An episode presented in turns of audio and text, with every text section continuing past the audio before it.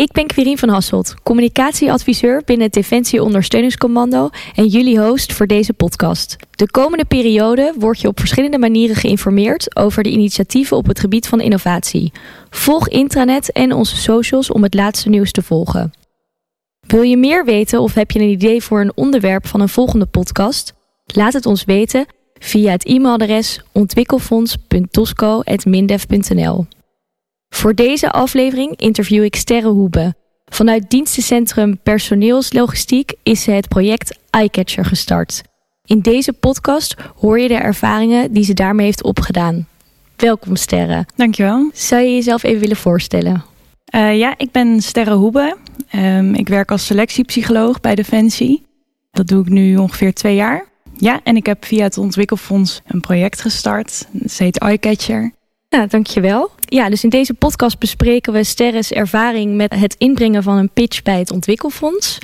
En um, nou, je project heet iCatcher en ik vroeg me af, hoe kwam je op het idee? En kan je een beetje uitleggen wat het betekent? Ja, even kijken. Mijn achtergrond ligt in neurowetenschappen. Dat is een tak van psychologie.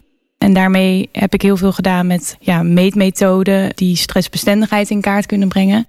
Zoals EEG, waarbij je allemaal plakkers op je hoofd krijgt. Of uh, fMRI, dat je in zo'n tunnel gaat. Ja, daarmee wilde ik wel iets doen nog voor in de selectie bij DOSCO. En ik dacht dat we daar nog wel wat meer mee uh, konden doen op dat gebied. Dus uh, vandaar dat ik dacht, hey, wat, wat is er nu nieuw en op het gebied van objectief stress meten? En op die manier, ja, heb ik dat uh, toegevoegd. Want voor, zeg maar, of nu of voorheen, uh, meten jullie dat via vragenlijsten en gesprekken? Ja, onder andere. Dus als, uh, als je militair wil worden, dan kom je eerst langs ons voor psychologisch onderzoek. En dan vul je heel veel vragenlijsten in. Um, en je, ja, je krijgt echt een onderzoek bij ons. Dus dat duurt ongeveer twee uur, zo'n gesprek. En dat is dus heel veel met vragen stellen. Dus eigenlijk uh, ja, wel een ja, goede meetmethode. Maar er zat nog weinig objectiviteit in. In het echt meten van stress. Dus ja, toen was er een nieuw product op de markt. Uh, aan de hand van micro-expressies. Waar je stress mee kan meten. En kan, sorry, kan je micro-expressies wat beter mm -hmm. uitleggen? Ja. Bij micro-expressies wordt er echt gekeken naar uh, ja, biometrische gegevens in het gezicht. Dus wat je dan doet is uh, dat een kandidaat maakt een testje op een computer. En daarbij uh, nou ja, hoef je dus niet meer plakkers op je hoofd of word je niet meer uh, helemaal, ja, wordt er niks meer op je lichaam geplakt. Maar kan gewoon de camera van je laptop meten in hoeverre jij stress ervaart. En dat doet hij door te kijken naar kleine bewegingen in het gezicht. En ook bijvoorbeeld pupilgrootte. Want dat zou dan ook iets zeggen over het stresslevel dat je ervaart. Dus het gaat wat minder over echte gezichtsuitdrukkingen, maar meer de fysiologie die daarachter zit. Oh, wow. Beetje technisch verhaal.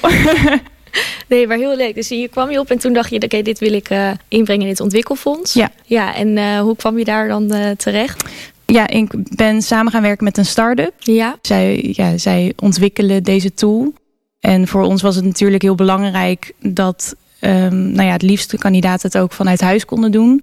En dat het vooral niet, dat ze het vrij gemakkelijk konden uitvoeren. En dat het niet te lang zou duren. Veel psychologische testen duren nou eenmaal erg lang. Omdat je mm -hmm. gewoon veel data wil hebben om een, uh, ja, een zo goed mogelijk uh, resultaten te creëren. Maar zij hadden een tool die uh, slechts een kwartier duurt. Dus dat was wel heel interessant voor ons. En hoe lang ben je daar nu al mee bezig? Ja, behoorlijk lang. Sinds uh, nou ja, in oktober 2019 heb ik voor het eerst gepitcht bij het Ontwikkelfonds. Um, en uh, vanuit hun kreeg ik ja, de steun en een platform om uh, dit te ontwikkelen. Um, ja, en dat is nu, nu loopt dat een beetje op zijn eind. Dus wat is het? Anderhalf jaar ongeveer al. Ja, en wat, wat heb je in dit anderhalf jaar, wat zijn de resultaten? Uh, we zijn begonnen met veel kandidaten te testen. En dat ging vrij gemakkelijk. We zien veel kandidaten bij ons per dag, een stuk of veertig. Dus uh, ja, die groep had ik snel bij elkaar. En daarnaast um, zijn we ook militairen gaan testen. Om zo te kijken van wat zijn nou eigenlijk de verschillen als het gaat om stressbestendigheid tussen kandidaten en militairen die natuurlijk wel al een opleiding hebben gehad. Mm -hmm. Dat hebben we gedaan. En we zijn nu bezig met de tweede groep kandidaten om nog meer data te krijgen. En tussendoor hebben we ook wel geleerd van uh, ja, dingen die we nog beter konden doen in de tool. En wat was uh, je grootste uitdaging, denk je, in het project? Mm, ik denk het werven van militairen was best lastig. Dat had ik een beetje onderschat, denk ik. Ik dacht, ja, we werken in een militaire organisatie, dus uh, lopen hier overal rond. Maar ja, het is natuurlijk ook wel voor onderzoeksdoeleinden en nou ja, nog best lastig. Um, dus dat was wel een uitdaging. Daarnaast ja, komt de grootste uitdaging denk ik ook nog wel. Um, over twee weken gaan we ja, presenteren voor het managementteam bij ons. En dan gaan we echt kijken naar of we het kunnen inkopen. Dus dat oh wordt nog wel spannend. Ja, zeker. Ja, en, uh, en dat, dus dat hoop je, wat hoop je voor het vervolg zeg maar, van je project? Is dat het dus groot binnen heel Defensie wordt ingezet. Ja, dat lijkt me wel heel leuk. En um, ja, je kunt het echt toepassen bij verschillende eenheden met verschillende wensen. Dus bij ons kun je het vooral toepassen als uh, uh, ja, selectiedoeleind. Maar je kunt ook denken aan het begeleiden van kandidaten. Dus dat je de scores uh, meer gebruikt om uh, bijvoorbeeld leerlingen in de AMO te begeleiden. Ja. En wat is sorry, de AMO? Oh, de Algemene Militaire Opleiding. Oh, ja, ja. ja. ja. spannend. En ook uh, hoe, hoe ervaarden de deelnemers het? Ja, dat was heel leuk. Uh, aan het eind van de tool zit ook een vraag van wat vond je ervan? Um, daar had ik zelf niet aan gedacht om dat er per se uh, in te zetten. Maar daarmee kreeg je eigenlijk juist wel hele leuke resultaten. Kandidaten zeiden vooral dat ze het heel nieuw vonden. Nog nooit zoiets hadden gezien. En uh, dat ze het ook wel heel erg spannend vonden dat was precies ook wat we wilden natuurlijk. Want ja, je wil wel een beetje stress opwekken. Ja. Dus uh, ja, overwegend leuk. Ik kan me ook voorstellen dat als je zo'n zelf zo'n uh, een vragenlijst invult, dan kan je misschien nog een beetje goed nadenken over wat je invult. Precies, maar als je echt zo'n test ondergaat, dan weet je, dan overkomt het je eerder. En dan weet Zeker. je niet hoe je reageert. Ja, ik heb hem zelf ook gedaan. En ik weet nu natuurlijk precies van begin tot eind hoe die eruit ziet. Maar zelfs ik merkte dat ik best wel gespannen was. Dus dat is wel grappig. Dat je gewoon door het feit dat er een camera op je zit. En um, ja, je doet wat testjes tussendoor. Dat, dat wekt al de nodige spanning op. Ja. En heb je, ik kan me voorstellen dat je in deze afgelopen uh, anderhalf jaar of iets wat je veel met collega's ook over hebt gehad. Staan, denk je, staan zij te springen ook voor deze tool? Ja, die zijn zeker benieuwd, heb ik gemerkt. Um, ik wil het ook uh, graag snel aan ze laten zien. Uh, en ik hoop dat het echt iets kan toevoegen ook voor hun. Dat ze ja, het kunnen gebruiken tijdens hun procedures. En dat ze er echt iets aan hebben. Dat is natuurlijk het fijnste resultaat. ja. ja.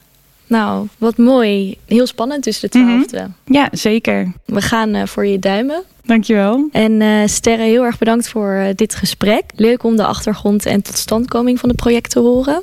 Graag gedaan. En nou, zoals jullie hebben kunnen horen, is er genoeg ruimte voor goede ideeën uit te werken en te pitchen. En binnenkort start er een traject en komen er collega's langs om samen te bekijken waar er verbeteringen mogelijk zijn binnen jullie bedrijf. En heb je nu al een goed idee waardoor onze ondersteuning beter wordt? Meld je dan vast bij het Tosco Ontwikkelfonds via het e-mailadres ontwikkelfonds.tosco.mindef.nl. De komende periode nemen we meer van dit soort podcasts op. En heb je een goed idee voor een onderwerp of wil je een inspirerend verhaal delen op het gebied van innovatie? Neem dan contact met ons op. Bedankt voor het luisteren en tot de volgende podcast. Wil je eerdere podcast uit deze serie beluisteren? Zoek dan op Dosco Innovatie in je favoriete podcast-app.